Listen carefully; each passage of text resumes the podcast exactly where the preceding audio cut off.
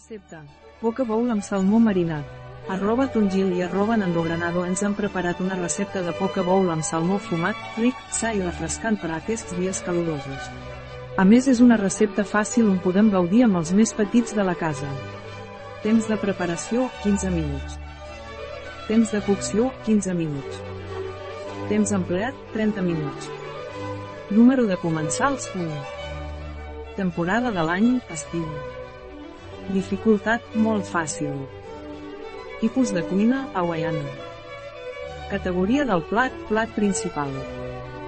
Ingredients. 100, salmó. 80, arròs rodó. Albocat. Cogombra. Formatge en crema.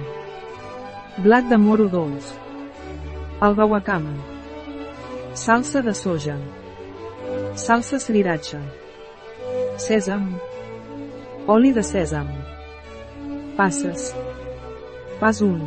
Marina el salmó amb salsa de soja i oli de sèsam. Deixeu-ho macerar durant uns minuts.